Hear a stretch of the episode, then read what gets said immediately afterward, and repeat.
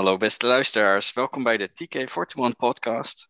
Vandaag spreek ik met Tim Veekhoven en Annelies Vervoort. Ikzelf ben Kevin Beentjes. Uh, maar misschien Tim, heel even goed uh, om mee te beginnen. TK41, wat zijn we ook alweer?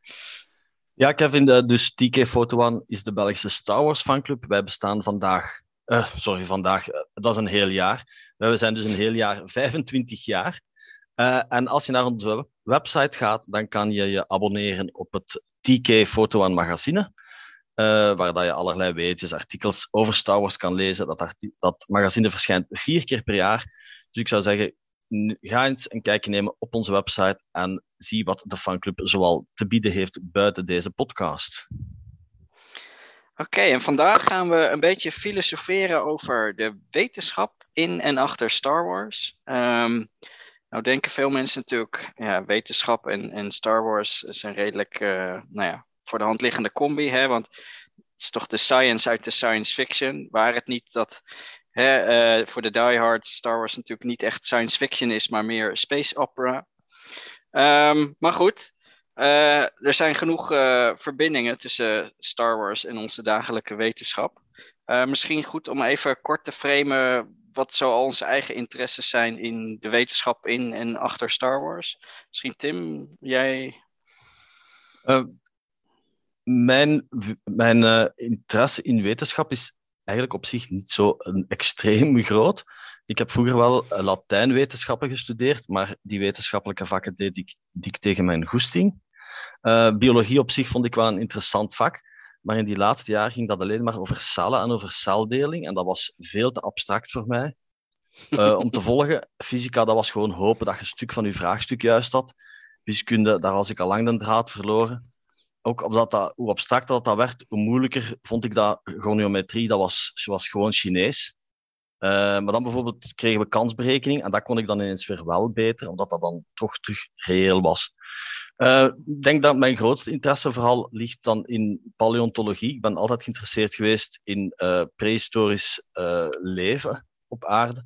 Zelfs voor ik geïnteresseerd was in Star Wars. Dus dan was ik nog heel, heel jong. Had, kreeg ik al boekjes van Star Wars. En we spreken dus wel degelijk over het pre-Jurassic Park tijdperk. Daar was nog lang, lang, lang geen sprake van. dus ik denk dat dat mijn grootste interesse is. Vooral puur wetenschappelijk gezien, want van andere dingen wetenschappelijk gezien uh, ja, ken ik niet zo enorm veel. En dat is meestal gewoon mijn kennis, hetgeen ik via Star Wars heb, uh, heb eigenlijk opgeraapt. En hetgeen dat ik nog heb onthouden van de lessen vroeger op school. Oké, okay, maar de natuurkunde was niet je forte? Uh, ik heb wel ik heb gelukkig een aantal dingen daaruit uit onthouden, want ik heb ook dat boek van Star Wars and of the Science uh, in Star Wars gelezen. Dat is uitgebracht naar aanleiding van die tentoonstelling. En ik ah, was ja. bijvoorbeeld wel blij dat ik al had gehoord van de wetten van Kepler. Want uh, die komen daar dan terug in dat boek. En alleen dat ik toch noties van fysica nog uh, ergens had, had verstopt zitten, dat ik toch min of meer kon volgen in dat boek. Ja, en quizvraag, parsec, afstandsmaat of een tijdsmaat? Ja, dat is hetgeen wat er in Star Wars, laten we zeggen, dat hetgeen wat er in Star Wars geldt, dat dat telt. Ja, nou ja, goed. Annelies, wat is jouw uh, interesse in, in de wetenschap in en om Star Wars? Um, ja, ik vind het op zich wel interessant om te zien wat er allemaal in Star Wars zit. En ik lees af en toe wel eens wat over wat er dan in het echt wel kan en niet kan. Ik lees ook wel graag wetenschapsartikels in de krant bijvoorbeeld. Mm -hmm. um, maar ik heb zelf altijd eigenlijk talen gestudeerd. Um, in de school heb ik Latijn moderne talen gedaan en aan de universiteit Germaanse talen. Dus alles van uh, harde wetenschap en stem is volledig uh, mij gepasseerd. Ik ben helemaal niet goed in wiskunde, dus fysica en, en chemie en die, dat, al die zaken, dat, dat is ook niet aan mij besteed. Um, nee. Ja, dus het, het echte harde wetenschappelijke stuk is niet voor mij, maar ik lees het wel graag als het op een bevattelijke manier uitgelegd wordt. Dus uh, op die manier vind ik het wel zeker interessant. Maar je zegt nu taalwetenschap, zit natuurlijk ook wel bepaalde wetenschap vaak in, in uh, de, de talen in, in films zeg maar de man-made languages. Klingon en Hutties hebben natuurlijk ook wel bepaalde taalregels. Dat zijn niet dingen waar je je mee bezighoudt dan? Nee, ehm, ik, ik heb wel altijd talen gestudeerd, maar vreemd genoeg vond ik vocabulaire, vocabulaire leren niet zo leuk. dus woordjes van buiten leren, dat, deed ik, dat doe ik met de gewone talen al niet graag. Dus om dat dan voor een, een fictie, fictietaal nog eens te gaan leren, dat is ook niet aan mij besteed. Maar ik, ik vind het zeker wel interessant als ze de moeite doen om die, die talen te ontwikkelen ehm, voor films en, en series. En, om, en dat er echt grammatica achter zit en zo, dat is zeker, zeker interessant. Hm. Nou ja, mijn, uh, mijn interesses liggen voornamelijk uh, bij, de, bij de biologie. Uh, deels omdat ik, nou ja, dat is ook mijn studieachtergrond. Deels omdat ik uh, nou ja, best wel interesse heb in al de aliens uit, uit de films. en, en om te zien hoe dat, nou ja, op een echte, hè, tussen quotes, uh, biologische manier allemaal zou werken. Um, maar ik moet ook zeggen, ik vind het ook wel interessant om wat meer te kijken naar uh, de, ja, de wetenschap achter de, de, de robotica en, en, en voertuigen en dat soort dingen. Uh, waar ik uh, een paar jaar geleden ook wel eens een beetje in ben gaan verdiepen uh, met het idee om daar een, een serie artikelen over te schrijven destijds voor, voor de officiële StarWars.com website. Um, maar dat idee is helaas nooit helemaal tot uiting gekomen. dus misschien dat ik het ooit nog eens een keer oppak voor, voor TK Magazine bijvoorbeeld. Dat zou interessant zijn, hè?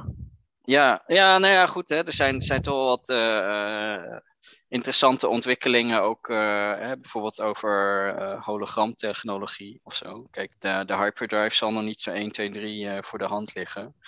Um, maar ja, toch een aantal andere dingen uh, zijn misschien niet eens zo heel erg science fiction als, als we misschien denken.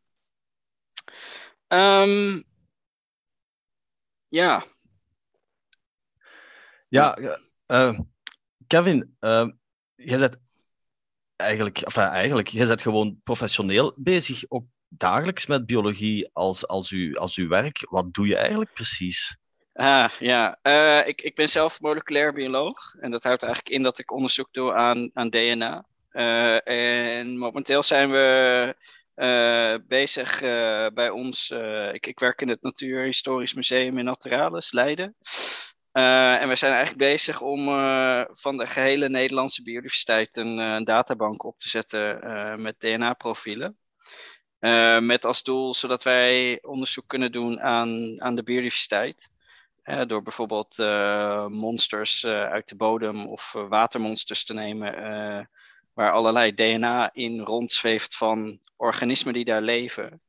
Zodat we eigenlijk op een hele snelle manier veel informatie kunnen krijgen over nou ja, de biodiversiteit van een omgeving zonder dat we uh, dagenlang het veld in moeten gaan om allerlei beesten te vangen. Dus uh, ja, in die zin ben ik er wel professioneel mee bezig. ja. Ik zeg wel eens, het is soms ja. lastig om. om het, is, het is soms jammer dat, dat we geen, geen, geen veldwerk kunnen doen op Tatooine om daar wat DNA-monsters te nemen. Ja, dat zou wel leuk zijn. Dus de, dat heeft ook dan te maken bijvoorbeeld dat je kunt zien dat er bepaalde soorten uitsterven in regio's of in gebieden of zo? Of... Uh, ja, daar heb je natuurlijk wel wat langere termijn studies voor nodig. Maar ja, ja, dat is een, een, van de dingen die je natuurlijk, en, en, dat zijn de onderzoeken die natuurlijk de afgelopen jaren veel gepubliceerd zijn, dat ze echt uh, zeker in, in de insecten zien dat het heel erg uh, nou ja, sterk afneemt in, in hoeveelheden. ja. Ja. ja, dus het idee is echt om, uh, om, om de biomonitoring wat uh, nou ja, grootschaliger uh, in te pakken met behulp van DNA-onderzoek. Ja. Oké, okay, um, als we het dan over Star Wars hebben, een, een, van de dingen die nou ja, best wel centraal staat, is misschien een beetje het hele verhaal van man versus machine. Uh, niet zozeer uh, alleen de Gungans tegen de Battle Droids, maar ook natuurlijk uh, Darth Vader, die, die half machine is. Tim? Ja, dus het verhaal van de man versus machine is toch een van de centrale the van de centrale thema's in Star Wars, zeker als het aankomt op wetenschap. En dat is een thematiek dat we vooral zien in de classics. Dat verhaal van de Gungans versus de Battle Droids, dat is uiteraard een zwart op wit verhaal. Maar de mens heeft altijd een, een speciale relatie gehad met uh, technologie. Uh, het is altijd zo'n, ja, de mens moet eigenlijk zien dat de technologie altijd in dienst van, van de maatschappij blijft. Want we zien vaak in science fiction films wat er gebeurt als die technologie die maatschappij overstijgt en mm. zelf de macht in handen neemt. Ik denk dat iedereen wel de Matrix en Terminator bijvoorbeeld heeft gezien. Daar kunnen dus problemen van komen, mensen. Dus pas op als je je chauffage hè, niet te hoog zet tegenwoordig. Hè, want wie weet wat er allemaal kan gebeuren. Uh, maar ja, dus de mens heeft altijd een, een, een speciale relatie gehad met uh, technologie. En dat was ook toen uh, George Lucas afstudeerde. Enerzijds was er dan de, het einde eigenlijk van die space race, die de Verenigde Staten dan ja, hadden gewonnen van de USSR door de eerste maanlanding te realiseren. Dat was dan zo'n morele klap voor de USSR dat ja, die Space Race dan min of meer ten einde is gekomen. Enfin, die was ten einde toen. Maar anderzijds was er dan ook dan, uh, ja, meer dat, dat, die negatieve kijk naar technologie door de Vietnamoorlog, waar Amerika ja, veel meer uitgerust was technologisch en materieel dan, dan ja, de lokale troepen daar in Vietnam. En ja, Amerika heeft daar niet te veel, al te veel klaargekregen. Dus dat was ook ja, pessimisme rond, rond het gebruik van die technologie. Dus dat was eigenlijk ja, een beetje een ambiguë situatie. Uh, eind jaren 60, begin jaren 70. En dat zien we bijvoorbeeld ook terug in THX 1138, uh, waar dat die maatschappij volledig toch wordt beheerst door technologie. Alles is bijna volledig geautomatiseerd. Ook die politie is geautomatiseerd. Elke vorm van religie is weg. Als je daar in een kiosk gaat, dan kun je wel praten tegen een soort van ja, een iconografisch beeld van Jezus. Maar het enige wat hij zegt is: be more productive. En van die onzin. Uh, dus Lucas was absoluut zich ervan op de hoogte van die relatie tussen mens en uh, ja, technologie. En als we spreken over mens versus machine, moeten we niet altijd mens beschouwen als de Homo sapiens, maar eerder ook als mens, zoals in mens sana in corpore sano namelijk dus de geest. En dat zie je ook in Darth Vader, want ja, het Empire, het Empire wil eigenlijk van alle ja, individuen een soort van machines maken. Niet letterlijk, maar figuurlijk. En namelijk dat hun geest, dat ze altijd luisteren en dat ze worden gecontroleerd van de overheid. En Darth Vader is daar natuurlijk het, het voorbeeld van, hè, want Obi-Wan zegt zelf, he is more machine now than man, twisted and evil. Uh, mm -hmm. Dus Darth Vader is, ja, is, is je zit gevangen in dat panzer. En hij heeft dat natuurlijk ironisch genoeg nodig om te leven. Hè, want uh, we zien nog altijd in, in een New Hope dat hij wel degelijk, dat zijn, dat zijn geest wel nog losstaat van die technologie. Hè, want hij zegt tegen Motti, hè, don't be too proud of this technological terror you've constructed. The ability to destroy a planet is insignificant next to the power of the force. En daarbij bedoelt hij niet van, ja kijk, de Force kan een planeet vernietigen, maar hij weet gewoon dat de Force veel meer is dan gewoon puur die Death Star die in elkaar is gestoken. En dat hij tot ja. veel meer andere dingen in staat is dat mensen of andere individuen niet kunnen vatten. Hij is uiteindelijk op Mortis geweest. Als je ziet wat dat daar allemaal kon, dan, dan weet je wel dat er het een en het ander mogelijk is. Dus dat is juist het ironische van Darth Vader. Enerzijds, hij zit gevangen in dat pak, maar hij heeft het wel degelijk nodig om te kunnen, om te kunnen leven. Um, en, en ik denk dat ook, wat dat ook interessant is aan, aan uh, bijvoorbeeld die, die tegenstelling tussen bijvoorbeeld de, het Empire, dat dus iedereen wil um, of meer transformeren naar machines, uh, figuurlijk, en als we dan bijvoorbeeld kijken naar de droids in de, in de Rebel Alliance, dat zijn echte hè, droids, echte machines. Die gedragen zich mhm. dan weer wel juist heel menselijk. R2D2 en C-3PO zijn daar uiteraard hele goede voorbeelden van. Maar ook 2-1B, als hij Luke heeft verzorgd op Hot, hè, dat hij bezorgd is om hem, om hem, dat zijn heel menselijke gedragingen.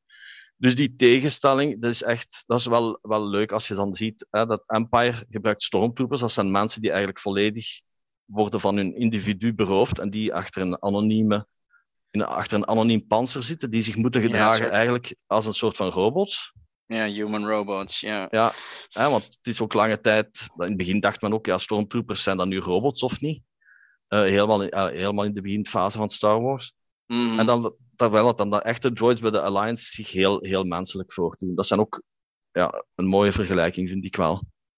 Um, andere vergelijking, ja, de Ewoks, uiteraard, tegen het Empire. Dat is hetzelfde verhaal als de Gungans tegen de Battle Droids. Ook een beetje het verhaal van de Vietnamoorlog, de primitievere tussen haakjes stammen die de meer technologisch geavanceerde vijand kunnen verslagen op hun, op hun eigen terrein.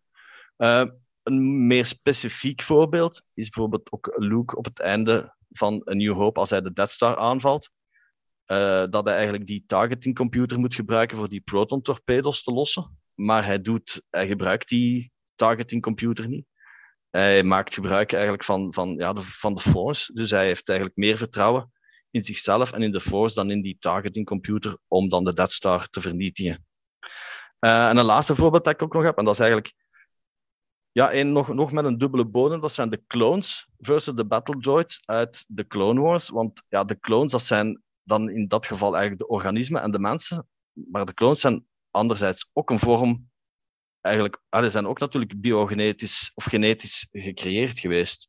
Dus het is eigenlijk een soort van machines tegen machines, maar de, ja, de clone-troopers zijn dan ook natuurlijk menselijk op zich. Dus dat is ook wel een interessante tegenstrijdigheid. Uh, ja, omdat de clones natuurlijk zelf ook zijn, zijn gecreëerd in een laboratorium. En ik denk dat er zijn nog voorbeelden, bijvoorbeeld in de sequels zien we bijvoorbeeld die tegenstrijdigheid in Hux en Kylo Ren. Omdat Hux dan echt zo technologisch uh, gefascineerd is door Starkiller Base en door allerlei uh, nieuwe snufjes en technologische uh, avancementen. Terwijl Kylo Ren ja echt nog, zogezegd, die, die old school uh, is, die gelooft in de Force en die de Force gebruikt en zo van die toestanden. Ja, toch, toch zie je, ja, als, je, als je het heel sec genomen neemt, hè, de man versus machine is, is natuurlijk ook iets wat de laatste jaren bij onszelf wat meer uh, speelt. En dan is de machine in dit geval hè, meer de algoritmes achter de social media. Dat is natuurlijk ja, beetje ook waar, waar de Matrix-vergelijkingen af en toe al vandaan komen. Ja, nogthans vind ik wel dat in, in Star Wars eigenlijk die man versus machine toch meestal anders ingevuld wordt dan in de meeste science fiction. Hè? Mm. Want je hebt wel de machine, maar die, de machines waar dan tegen gevochten wordt of zo, die worden altijd gebruikt door mensen. Ja. Dus het is Ja, ja, niet, niet echt zo de, de kwestie van technologie op zich die slecht is, maar het is meer zo het gebruik van technologie door slechtwillenden. Mhm. Want je hebt bijvoorbeeld in Star Wars ook nooit de, de vraag rond de singularity of zo. Dat komt bijvoorbeeld ook nooit dat, dat men zich afvraagt van ja, gaat de technologie het overnemen van ons of, of Ja. is dat de technologie aan zich slecht?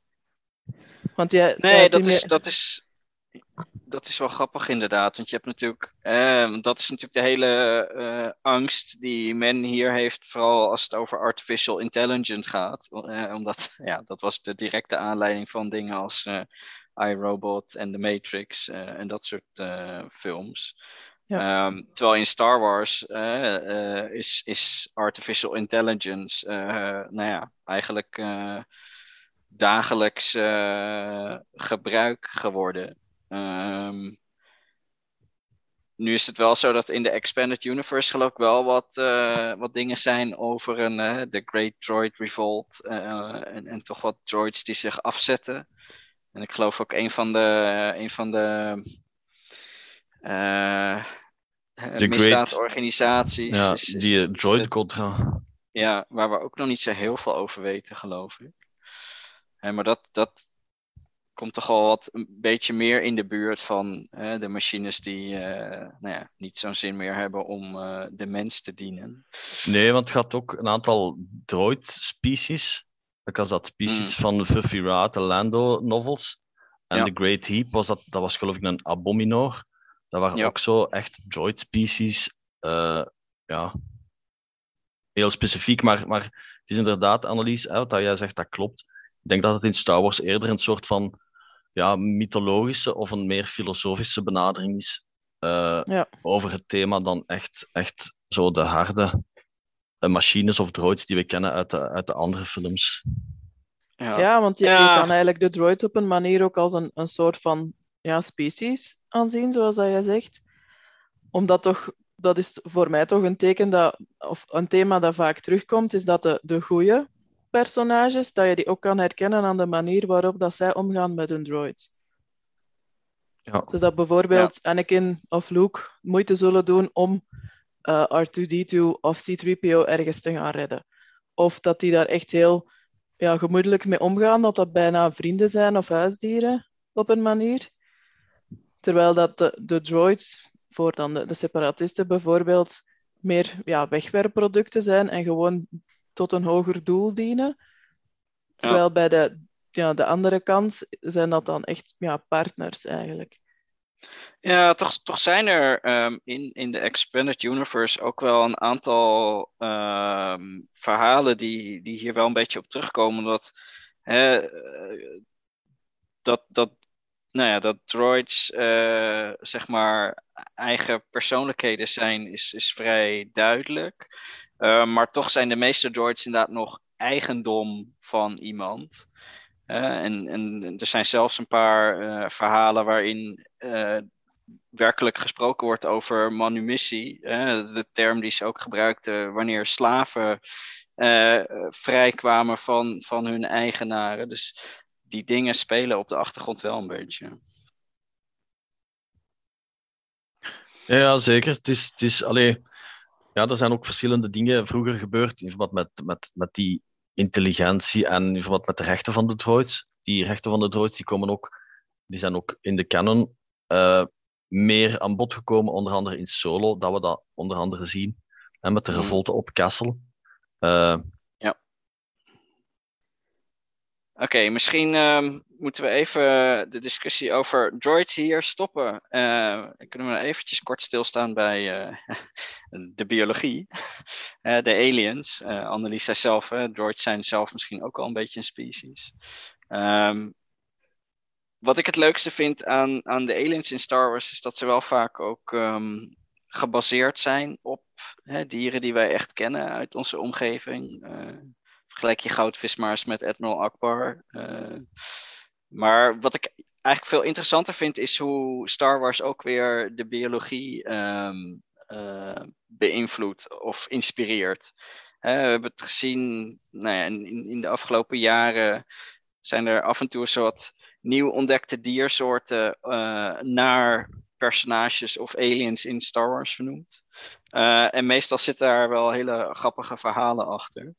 Uh, ik heb daar ook een uh, artikel over geschreven dat ooit op starwars.com staat, maar helaas de purge niet heeft overleefd. Ik heb het gerepost op mijn eigen blog. Um, maar daar, daar zitten wel, wel wat leuke dingen in. En uh, een van de, nou ja, de aanleiding daarvoor was eigenlijk een, een, een, een vis. een, een, een, um, een, een, vis die in, in een rivier in Brazilië was ontdekt. Uh, en dat was eigenlijk een vis met een beetje een, een raar zuignapmondje en van die bolle zwarte ogen. Uh, waarvan de onderzoekers toen dachten: oh ja, dit lijkt wel een beetje uit die dude uit de Star Wars kantina. Uh, en dan hebben we het natuurlijk over Greedo. dus toen hebben ze die vis de Pacoltia Greedoi genoemd. dus dat was toen best wel veel in het nieuws. En ik, ik zeg dat ook altijd tegen mijn collega's als je. Ehm, uh, in het nieuws zou komen uh, en, je, en, je, ontdekt een nieuwe soort, dan uh, moet je ze even naar Star Wars personages vernoemen. Um, dus toen ben ik eens een beetje gaan graven in de wetenschappelijke literatuur om te kijken wat ik kon vinden. en dan kom je toch wel zo grappige dingen tegen. Er is een, een trilobiet ooit vernoemd naar Han Solo. waarbij de auteurs eerst met een kulsmoesje er vanaf probeerden te komen, omdat ze hadden gezegd van ja, uh, hij was gevonden in het uh, gebied van de vroegere Han-dynastie. Uh, en het is de enige soort in, in het genus, hè, dus solo. Dus vandaar dat ze hem Han Solo hadden genoemd. maar later zijn ze daar wel op teruggekomen en hebben ze gewoon toegegeven dat het inderdaad vernoemd was naar het personage van Harrison Ford uit Star Wars. en, en zo zijn er nog wel meer van die dingen. ooit op een onderwatercamera zagen ze een eikelworm. Uh, als je geen idee hebt wat het is, dan moet je maar even op Google kijken. Um, en dat, dat is een paars geval. En, en die had van die flappen aan de zijkant uh, van, nou ja, ik, ik, zal niet zeggen zijn hoofd, want zo die, zitten die dingen niet helemaal in elkaar. Uh, maar het had een beetje het silhouet van Yoda. Dus hebben ze dat ding maar Yoda purpurata genoemd, oftewel de paarse Yoda. en, en een ander grappig voorbeeld is ehm, dat midichlorians echt bestaan. Uh, niet in de zin uh, dat ze ons uh, voorzien van de mogelijkheid om met de Force contact te zoeken, maar meer dat midichlorians een genus is van bacteriën die leeft in cellen. En in dit geval zijn het bacteriën die leven als endosymbionten in de eierstokken van ehm, teken. Uh, ja, heeft verder niet zo heel veel impact. Uh, maar uh, omdat er nog niks naar midichlorians vernoemd was destijds. en omdat midichlorians natuurlijk ook een soort endosymbionten zijn, dachten ze laten we dit ding midichlorian noemen. dus ja, midichlorians bestaan echt. Ja, er, was, er is ook een, een, een prehistorische herkauwer. De Xeno Kerix. En die is ook genoemd naar Amidala. Ja. Amidala, ja. ja. Dat is een dat, vrij recente, inderdaad. Ja, die is redelijk recent en die leefde in het Mioceen. Dat is het Kenozoicum, dus na, na, uiteraard na het tijdperk van de dinosauriërs. En die is dan genoemd omdat die zo, ja, die, die horens had die ook zo een beetje opzij stonden. Uh, dus dat is ook een recent, een recent voorbeeld. En, en ja, ook iets in de prehistorie dat rechtstreeks dan uh, naar iets van Star Wars is genoemd. Ja, maar ook inderdaad precies zo'n ding wat uh, in het nieuws was. Uh, dus vandaar dat ik al zei tegen mijn collega's, als je nou eens een nieuwe plant of een nieuw uh, dier een naam wil geven, doe dan iets uit een film. en dan bij voorkeur natuurlijk uit Star Wars, want dat is gewoon leuk. en dan word je zo trending op social media. Maar goed, ik um, begrijp dat ik niet uh, de enige ben die uh, wel eens over de link tussen uh, wetenschap en Star Wars heeft geschreven. Ehm, want de Space Days, die geweest zijn in Leuven, daar had blijkbaar TK ook een aantal ehm, bordjes voorbereid met links tussen wetenschap en Star Wars. Um ja, dat klopt inderdaad. Dus die Space Days, um, dat was normaal gezien voorzien voor um, in december 2021. Het was een grootser opgevat uh, ja, gebeurtenis in Leuven naar aanleiding van 100 jaar Big Bang, omdat een van de ja, bedenkers van de Big Bang was een, uh, een Belg. Was dat was een mm -hmm. paat, was dat niet Ankleur of Georges Lemaitre. Ah, Lemaitre, juist. En wie is dan Ankleur? Is dat die, die van dat, van dat, van dat versnellingsdeeltje misschien? Ah, wel, ik dacht ook dat het Enclair was, maar... Juist, want dat is nog op de mol gekomen die vorige is van, week. van het versnellingsdeeltje, Ah, voilà. ja. Enfin, zwart, het is een Belg. En uh, normaal gezien had dat moeten plaatsvinden in de bibliotheek in Leuven in december, maar toen uh, was er uiteraard uh, nog corona. En daarom was het nu verplaatst naar maart 2022. Uh, en Annelies is dan onder andere daar geweest voor een, een, een workshop te geven. En we hadden dan een aantal pancartes gemaakt uh, over Star Wars en, en, en toegespitst op de, op de ruimtevaart eigenlijk. En, en waar moet ik dan een beetje aan denken? Uh, heb je het principe van hyperspace travel uitgelegd voor kinderen? Of, ik denk, ik moet even nadenken. Er was sowieso één plaat bij die ging over waarom Star Wars zich in de ruimte afspeelt. En dat hebben we ook al eens kort besproken in de podcast over de Western. Namelijk dat Lucas vond dat de Western de laatste grote mythe was. En dat hij nu die grens wilde verleggen naar eigenlijk het universum en de ruimte. En ook dat Lucas zich op voorhand al indekte, omdat hij wist van dat de science in Star Wars minder eigenlijk ja, prominent zou aanwezig zijn, omdat hij ook niet alles wetenschappelijk wilde uitleggen. Omdat hij sowieso al wist dat de mensen gingen zeggen, ja, maar er is geen, bijvoorbeeld geen geluid in de ruimte. En terwijl dan Ja. Lucas zegt van ja, kijk, Star Wars is een sprookje, dat is een mythe. Hè, ik doe wat ik wil, ik trek mij daar allemaal niks van aan, van die wetenschappelijke correctheden. Dus dat was er één, een soort van, ja, een soort van disclaimer, zullen we dan maar zeggen. Hè, waarom dat er in Star Wars wel alles mogelijk is. En ik denk dat ik eh, ook iets had gemaakt over die eh, Ion Engine, hè, want die bestaat wel degelijk, die wordt wel degelijk gebruikt. In Star Wars is de Ion Engine de meest gebruikte motor die door ruimteschepen wordt gebruikt. Eh, er was ook iets over eh, probe droids, of over droids, maar dan specifiek over probe droids. Want ja, zondes, dat gebruiken wij ook voor naar eh, de uithoeken van, van onze melkweg te sturen, naar de verste planeten en zo. Ehm, wat was er dan nog bij? Dan moet ik ook eens even nadenken wat dat er nog bij was. Hyperspace en lichtsnelheid. Ja, inderdaad, dat ook nog. onderwerp. Ja, en dan, inderdaad. ja, Ja, de aliens. Oké. Ja. Ah, het klinkt toch wel interessant. En, en Ja. oké. Oké. En, en- en als we het nou een beetje over, over de link hebben tussen eh, Star Wars, eh, wetenschap, eh, technologie, nieuwe ontwikkelingen. Wat, wat zouden nou dingen uit, uit het Star Wars-universum zijn eh, die jullie graag in het echt zouden willen zien? Annelies, beginnen we met jou. Wat, wat, wat zou nou de technologie zijn die jij morgen in huis zal hebben? Ja, zo'n Android lijkt mij wel handig. Ehm, ja, iemand die de afwas kan doen en eh, stofzuigen en al het huishoudelijk werk. Nu, we zijn al wel goed op weg, want ik Ja. heb een robotstofzuiger en eh, een vaatwasser natuurlijk.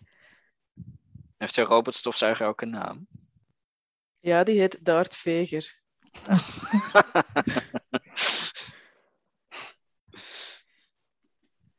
Ja, dat is echt waar. Eh, ja, jammer genoeg werkt hij niet zo goed. Dus eh, de technologie is nog niet echt wat het moet zijn. Hij is wel vaak de weg kwijt of hij zit ergens vast of zo. Maar dat is toch al een, voor- een vooruitgang die we hebben. Maar ja, een echte droid die er dan menselijk uitziet, waar je echt mee kan praten en die echt van, ja, zoals een mens kan functioneren, dat zou natuurlijk wel aangenaam zijn. Tim? Eh, ik zou kiezen voor eh, de repulsor lift technologie. Dat is de technologie die eh, voertuigen in de atmosfeer gebruiken om te opereren via een soort, negatief, eh, soort van negatieve zwaartekracht dat wordt geprojecteerd naar een, een oppervlakte. Kan dus ook bijvoorbeeld een oceaanoppervlakte zijn. Dan moet even wat.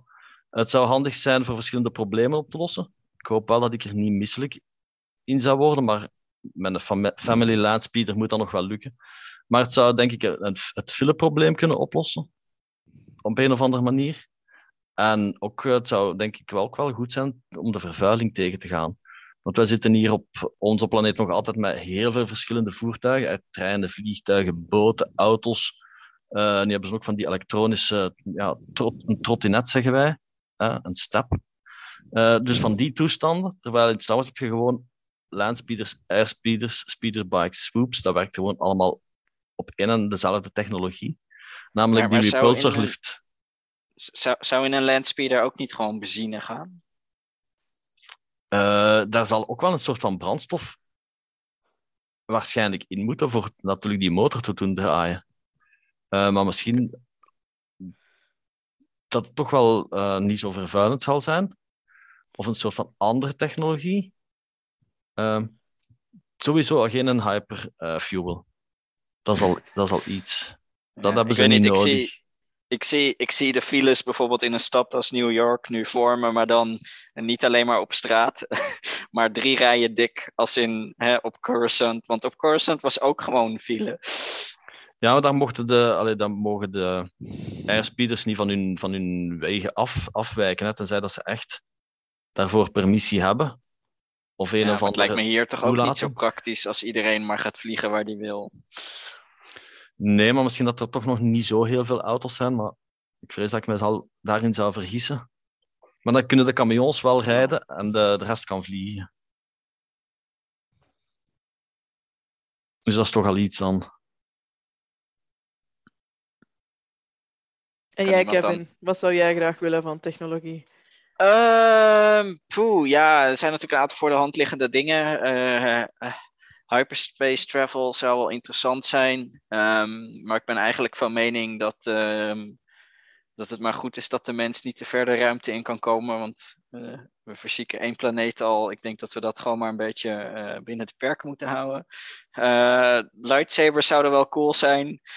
Ehm, maar ik denk toch eigenlijk dat ik eh, hologramtechnologie wel het interessantste vind. Eh, en dat bestaat voor een deel ook al wel een beetje, eh, maar niet op de manier die we natuurlijk kennen in Star Wars. Ehm, het zou zeker met, hè, met alle thuiswerken met corona wel interessant geweest zijn als we als gewoon een soort holographic Jedi Council bij elkaar hadden kunnen zitten in de vergadering. Eh, in plaats van dat we tegen zo'n scherm in een Zoom-meeting eh, zitten te kijken. Eh, Maar is Industrial Light and Magic daar niet mee bezig voor die show van ABBA? Ja, nou kijk, weet je, de hologrammen die we nu zien, die ze natuurlijk in, in theaters en zo gebruiken, dat zijn, die, dat zijn eigenlijk gewoon projecties op, op een scherm nog steeds. Dus dat is niet echt een, een 3D-ding volgens mij. Moet ik dat ik ook niet helemaal op de hoogte ben van de laatste ontwikkelingen. Maar ik, ik weet dat echt 3D-hologram daar wordt wel het een en ander mee gedaan. En het is op hele kleine schaal is het mogelijk. Maar het is niet een hele efficiënte technologie. Want het gaat er echt om dat ze dan fotonen met elkaar in bot laten komen. eh, waardoor een, een lichtflits ontstaat. eh, of, of iets in die toestand. Eh, don't quote me on the details. Ehm, ja, of dat nu meteen eh, levensgrote bewegende beelden kunnen worden, dat weet ik niet. Eh, dus ja, hologrammen is een beetje een term die een beetje te pas en te onpas gebruikt wordt voor eh, nou ja, een aantal technieken die niet, die in mijn ogen niet een echt hologram zijn, maar inderdaad gewoon projecties op een glasscherm of zo. Wat er natuurlijk Ja, wel een beetje ja. uitziet als een hologram. Maar ik, ik wil gewoon eh, eh, de Jarek eh, kunnen spelen eh, hier op de keukentafel. Oké, beste luisteraars. Ik denk dat we ondertussen toch al een aantal dingen over Star Wars en de wetenschap hebben aangekaart. Kevin, jij had ook nog een aantal interessante leestips voor luisteraars die nog meer willen weten over dit thema. Ja, een, een van de ehm, interessantste websites eh, omtrent technologie en Star Wars. eh, en eh, die, die kennen jullie misschien ook wel, is de Star Wars Technical Commentaries. eh, wat een onderdeel is van TheForce.net. Eh ja, als je op Google intypt Star Wars Technical Commentaries, dan, dan kun je de website wel vinden. Ehm, dat is eigenlijk een, een, ja, een soort expositie over verschillende wetenschappelijke elementen in Star Wars. Het is wel een tijdje niet geüpdate. Ik weet ook niet of het nog eh, onderhouden wordt heel erg. Het, het is nog wel in de lucht in ieder geval. Eh, dat is geschreven door Curtis Sexton, die onder andere ook heeft meegewerkt ge- gewerkt aan de. ehm, eh, volgens mij de, de cross-sections boeken van Star Wars. Eh, en hij heeft zelf een, een doctoraat in eh, astrofysica. eh, en hij, hij heeft onder andere wat theorieën over hè, hoe, hoe hyperspace zou moeten werken en dat soort dingen. Dus dat is zeker de moeite waard om eens te bekijken. wat betreft links tussen Star Wars en, en werkelijke technologie. Ehm, eh, een ander leuk voorbeeld is, eh, maar dat is misschien wat lastiger om terug te vinden, eh, want je had van De Agostini heb je verschillende series. De fact files kennen we meestal allemaal wel, Ehm, maar er is ook een serie genaamd Build Your Own R2D2. Ehm, daarbij kon je uit, uiteraard een, een, een R2D2 droid bouwen. Ehm, maar de boekjes die erbij zaten waren ook heel interessant, omdat er ja, altijd een artikel in elke aflevering zat over eh, nou ja, echte technologie. Om wat meer uitleg te geven uh, voornamelijk achter droids. dus er zaten wat dingen in over hoe zijn de eerste computers ontstaan, wat is kunstmatige, kunstmatige intelligentie, maar ook hele praktische dingen als hoe werken kogellagers, wat zijn printplaten, waar moet een robotarm aan voldoen om te functioneren. dus op zich ook wel heel grappig. Uh, dus als je daar echt geïnteresseerd in bent, uh, moet je misschien een beetje rondkijken. Uh, ik weet niet of ze heel makkelijk nog te vinden zijn tegenwoordig. Ik vrees eigenlijk van niet. maar ja, misschien, misschien kunnen we dat een keer meenemen als broninformatie voor een leuk artikel in het TK41 magazine. Dat lijkt me een heel goed idee. Oké, nou dan uh, wil ik jullie in ieder geval bedanken. Uh, en de luisteraars natuurlijk ook. Uh, en tot volgende keer. En may the force be with you.